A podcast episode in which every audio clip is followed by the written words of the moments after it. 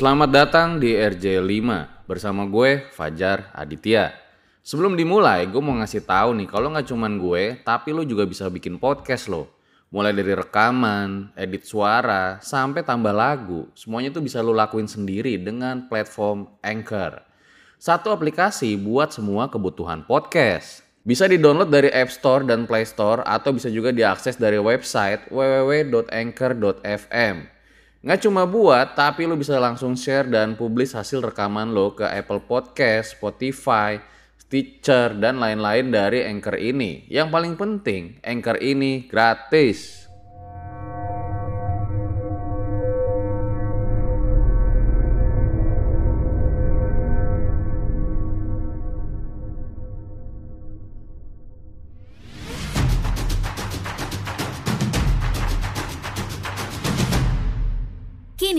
Podcast Network.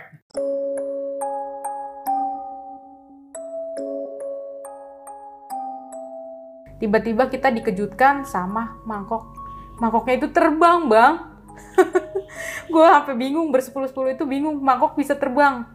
Jadi ini koper, ini di atasnya mangkok, tiba-tiba dia itu ke atas dulu, ke atas muter, tiga puteran, treng, langsung jatuh, trek trek trek trek, jatuh, terbang. Dari situ jatuh, langsung kita bersepuluh lari keluar sampai teriak, wah, langsung kakak mau belajar. Berarti kalau malam-malam itu jalan masih bawa obor gitu? Iya bawa obor, kalau nggak bawa senter, mereka pada ke rumah datang. Ki, Ki, itu kok ada yang ngintip ya di ventilasi gitu. Mana? Ventilasi mana? Itu tuh kata dia gitu. Akhirnya pas gue coba lihat, ternyata itu ada sosok kayak boneka bang, tapi ada rambutnya bang. Boneka ukuran segini kecil, tapi dia ada rambutnya. Itu, itu jadi posisinya kayak dimainin wayang gitu, kayak lagi main wayang itu di ventilasi, digerak-gerakin. Dan gue sama teman gue kaget kan, bener-bener kaget. Ya Allah itu apa gitu kan. Tapi gue sama teman gue nggak berani nyamperin karena itu emang udah malam gitu, udah sekitar jam-jam sebelasan gitu. Kamu yang takut atau mereka yang lari?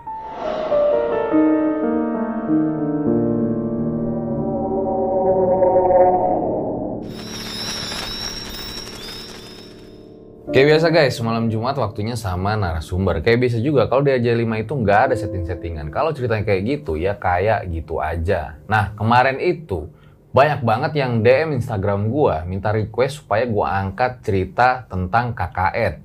Kebetulan banget nih narasumber pada malam hari ini itu ngirim DM ya di mana cerita KKN yang menurut gua, wah gila sih. Pada saat itu dia KKN selama 30 hari di pelosok Banten. Langsung aja kita sapa nih. Selamat malam Kak Rizky. Malam Bang Fajar. Itu katanya di pelosok Banten ya? Iya, di pelosok Banten Bang. Bisa digambarin eh, lokasi desanya? Ya, jadi kalau misalkan kita masuk ke desanya nih Bang, kan kita ngelewatin pinggir pantai. Nah, ketika pinggir pantai kita eh, belok ke kiri itu masuk ke daerah perkampungan. Nah, lama eh, dari pertama-tama tuh ada rumah warga nih Bang, ada rumah warga, lama-lama hutan lebat. Itu kalau akses lewat depan. Itu pokoknya lebih banyak pepohonan daripada rumah warga, Bang. Dan di sana juga eh, struktur jalanannya itu bebatuan, Bang, bebatuan campur tanah kayak gitu. Dan di sana eh, ketika sudah sampai di rumah nenek, nah di rumah nenek itu di belakang rumah nenek itu itu ada kuburan, Bang. Jadi ada kuburan dua makam dan di belakang eh, makam itu itu adalah hutan. Jadi pohon-pohon lebat kayak gitu gambarannya. Rumah nenek itu rumah yang ditinggalin pada saat itu? Iya, rumah nenek itu adalah rumah homestay yang kita tinggali selama 30 hari. Nah, katanya saya dengar-dengar juga ini horor banget ya pada saat itu. Iya bang, bagi kelompok kita sih eh, mencekam, apalagi saya yang mengalaminya. Apa yang dirasain pada saat itu? Eh, selama 30 hari bener-bener merinding gitu bang, karena banyak kejadian-kejadian yang gue alamin gitu. Kalau teman-teman gue kan eh, cuma ya sekilas-sekilas doang gitu. Kalau gue bener-bener ngelihat wujudnya gitu, karena gue seumur umur baru yang ngelihat wujudnya itu yang saat KKN itu bang. Justru malah pas KKN. Iya, KKN. So, gue rasa langsung saja berikut adalah ceritanya.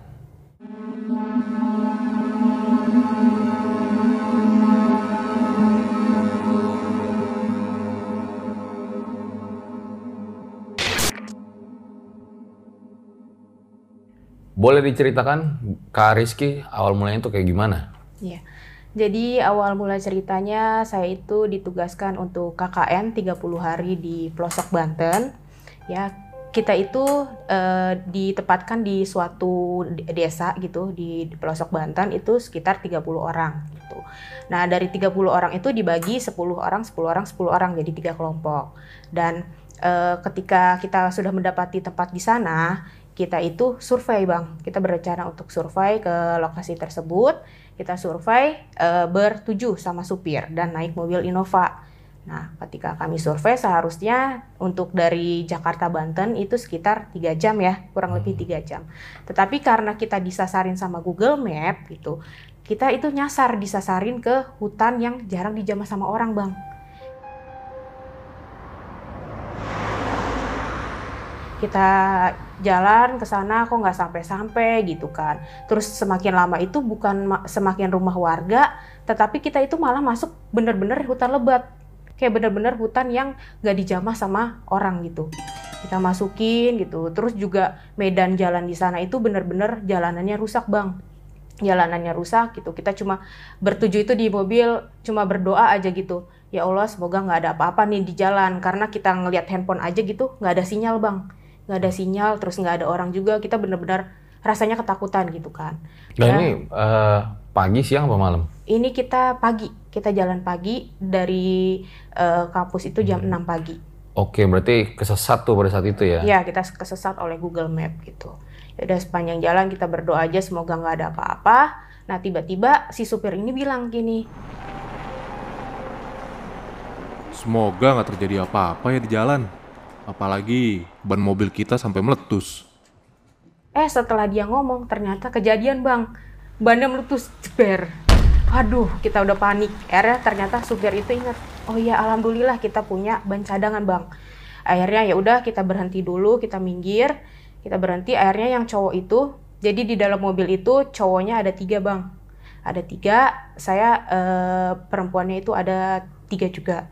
Gitu. Nah, terus abis itu yang cowok-cowok itu bantuin supirnya untuk mengganti ban serep.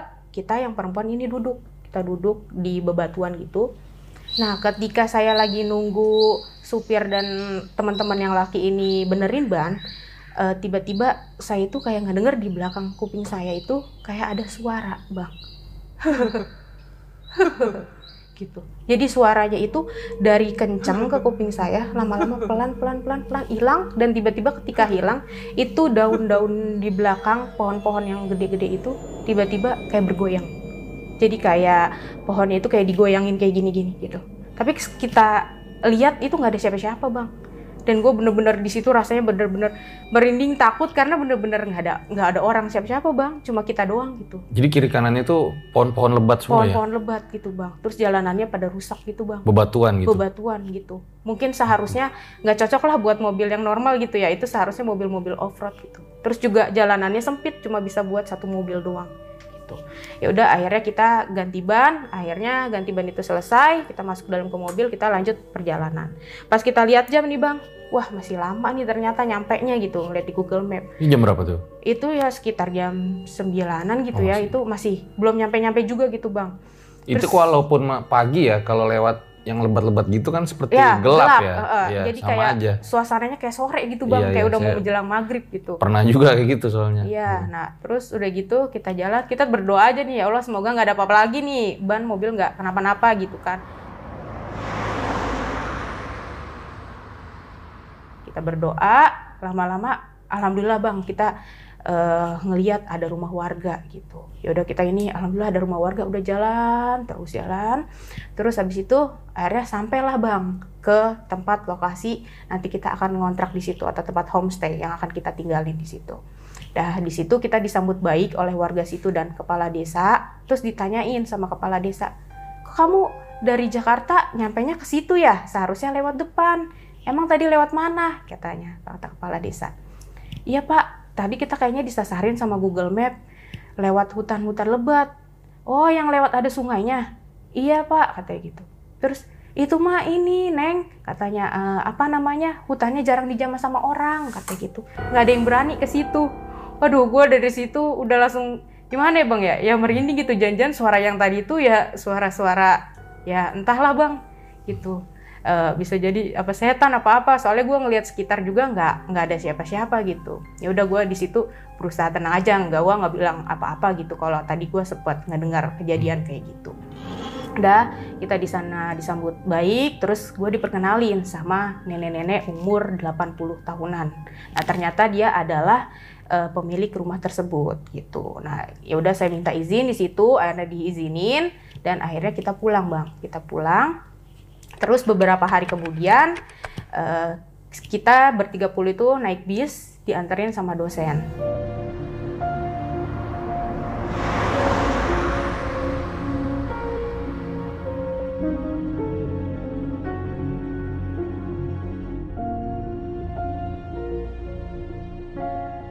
Sampai sana kita disambut baik sama warga sana. Terus ya udah kita akhirnya tinggal di homestay tersebut.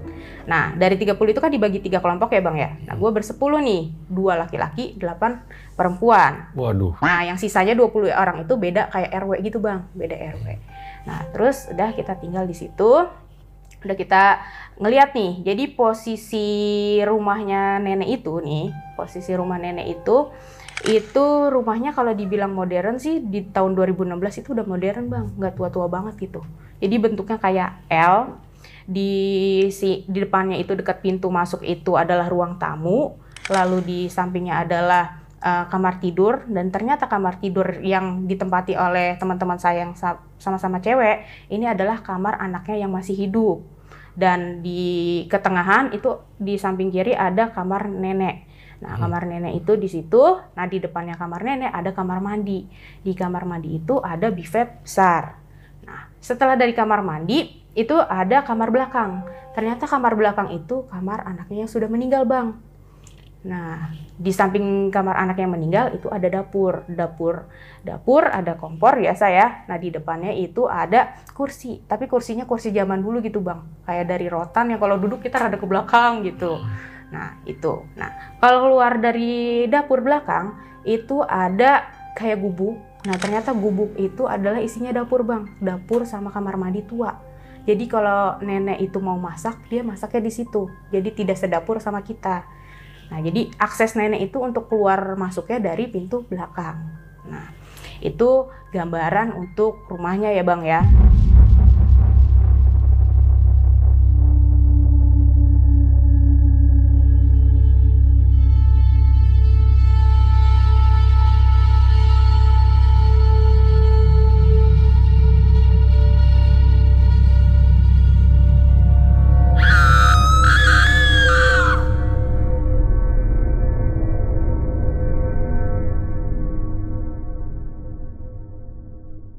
Hai, sebelum lanjut, kenalan dulu yuk sama partner misteri gua. Namanya Anchor. Anchor ini adalah all-in-one podcast editing platform yang membuat gue lebih mudah untuk rekaman, edit suara, tambah lagu, dan segala hal dalam pembuatan podcast yang sedang kamu dengerin kali ini. Anchor bisa ngebantu kamu bikin podcast kamu sendiri. Caranya tinggal download dari App Store dan Play Store. Atau bisa juga diakses di www.anchor.fm. Jadi download Anchor sekarang juga.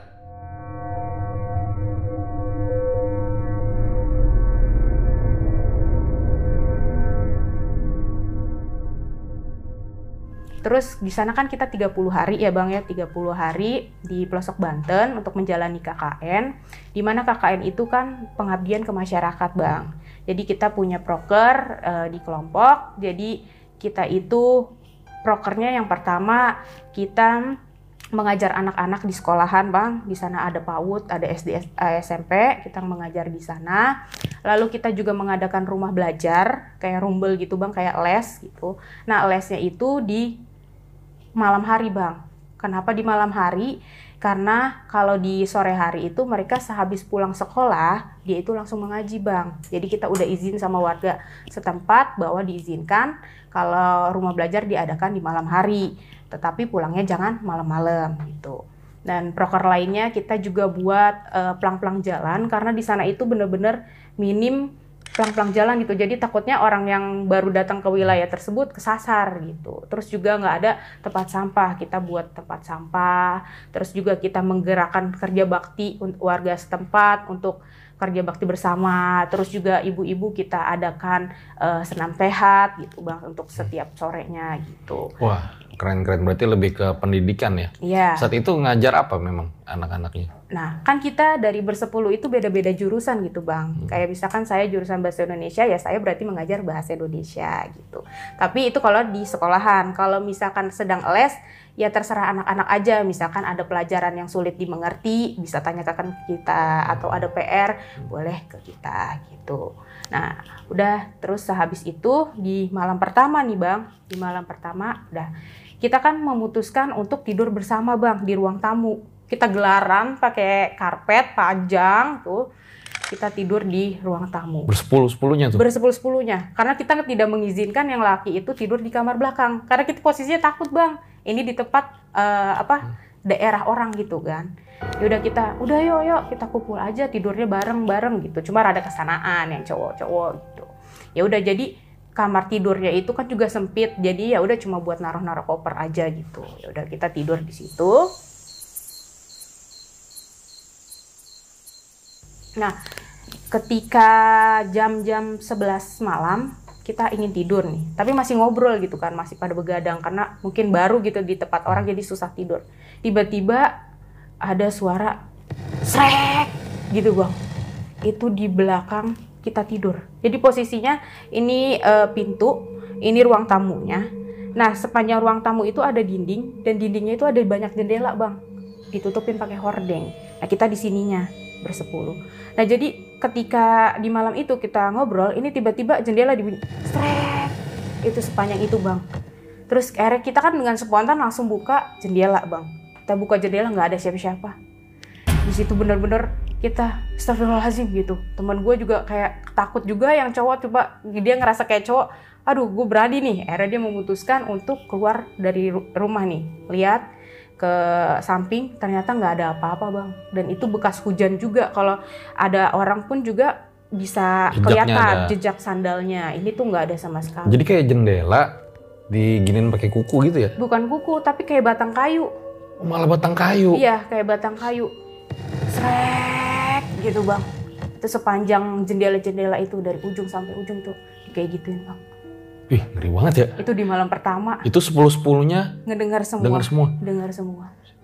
Dan setelah kejadian itu, ya udah saya bilang sama teman-teman saya, mungkin itu adalah salam pertama bang dari mereka gitu. Baru yang pertama ya. Baru yang pertama gitu. Dan Setelahnya banyak lagi tuh. nah setelahnya masih ada lagi bang nanti Mak- diceritain. makin Bang. lebih parah-parah lagi ya. Iya. Waduh.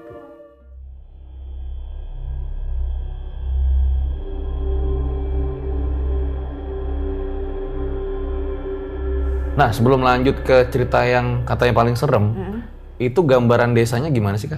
Ya, desanya itu kalau dari pinggir pantai, Bang, itu masuk dalam gapuranya itu sekitar 45 menit, Bang. Itu kita melewati hutan, hutan lebat, terus rumah warga, terus juga jalanannya banyak bebatuan, Bang. Jadi banyak bebatuan, pohon-pohon lebat, kita jalan ke situ terus, ntar ada rumah warga, antar pohon lagi yang lebat, kayak hutan-hutan kecil, kayak gitu, Bang. Jadi ya eh, jarak antara rumah warga ke satu ke yang lainnya itu rada berjauhan gitu. Berarti nggak ada kendaraan umum juga yang lewat ya? Nggak ada, nggak ada kendaraan umum. Paling cuma warga-warga sekitar aja yang lewat lalu lalang. Tapi itu juga jarang gitu, sepi bang. Hmm. Gitu.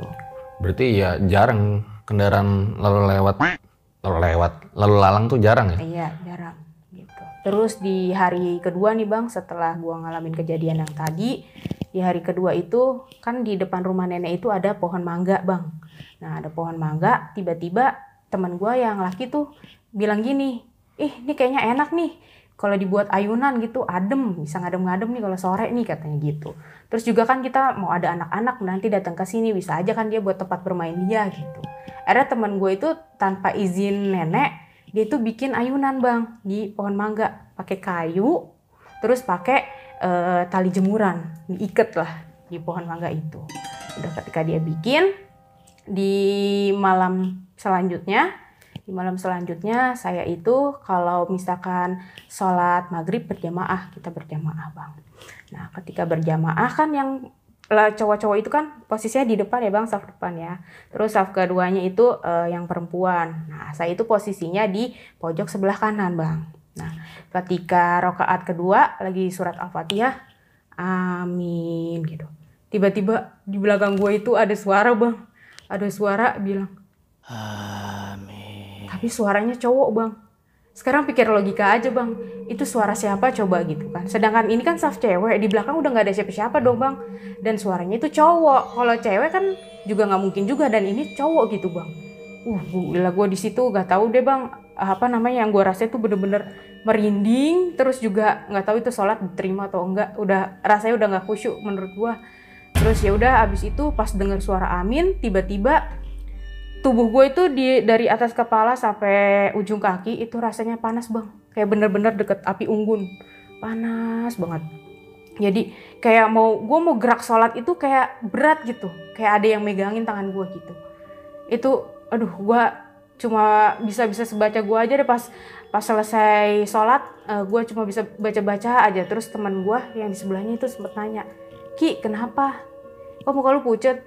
Enggak nggak apa-apa gue tuh emang gak mau cerita-cerita sama teman gue gitu bang. Karena kan gue nggak mau bikin mereka takut gitu kan. Nanti takutnya eh, gara-gara eh, gue ngasih tahu kejadian yang gue alami ntar mereka jadi pengen pulang gitu bang kan. Gak enak juga gitu bang. Terus juga gue kan di daerah orang jadi nggak mungkin lah gue ngasih tahu gitu ke teman-teman gue nanti yang ada malah rame. Jadi tetap gue keep hal-hal kayak gitu. Dan itu di saat kita sholat maghrib bang. Nah di beberapa hari selanjutnya gue mulai merasakan lagi bang. Dan ini menurut gue hal yang terparah sih. Gue seumur hidup baru pertama ngelihat sosok yang bener-bener wujudnya itu kelihatan bang.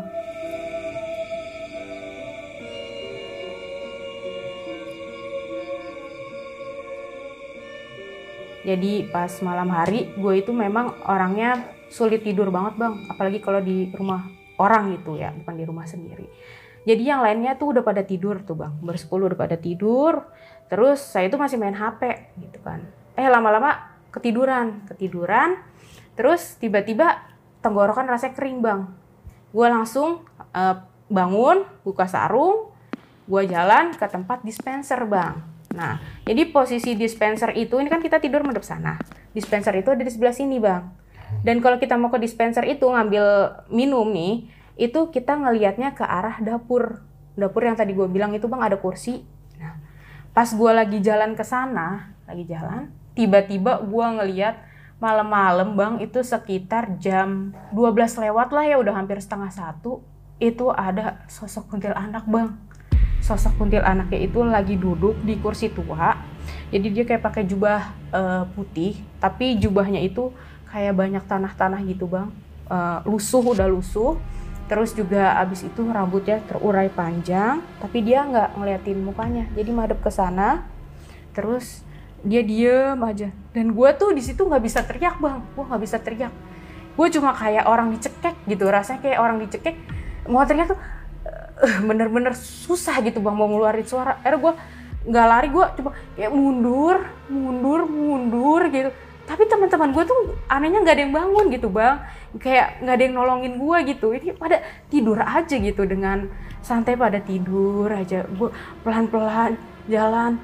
Jalan gue tuh kayak takut gimana gitu. Karena gue bener-bener seumur hidup baru ngeliat sosok yang utuh wujudnya tuh ya itu bang. Udah gue mundur gue mundur. Akhirnya gue sampai di tempat gue tidur. Langsung gue buru-buru tutupan sarung.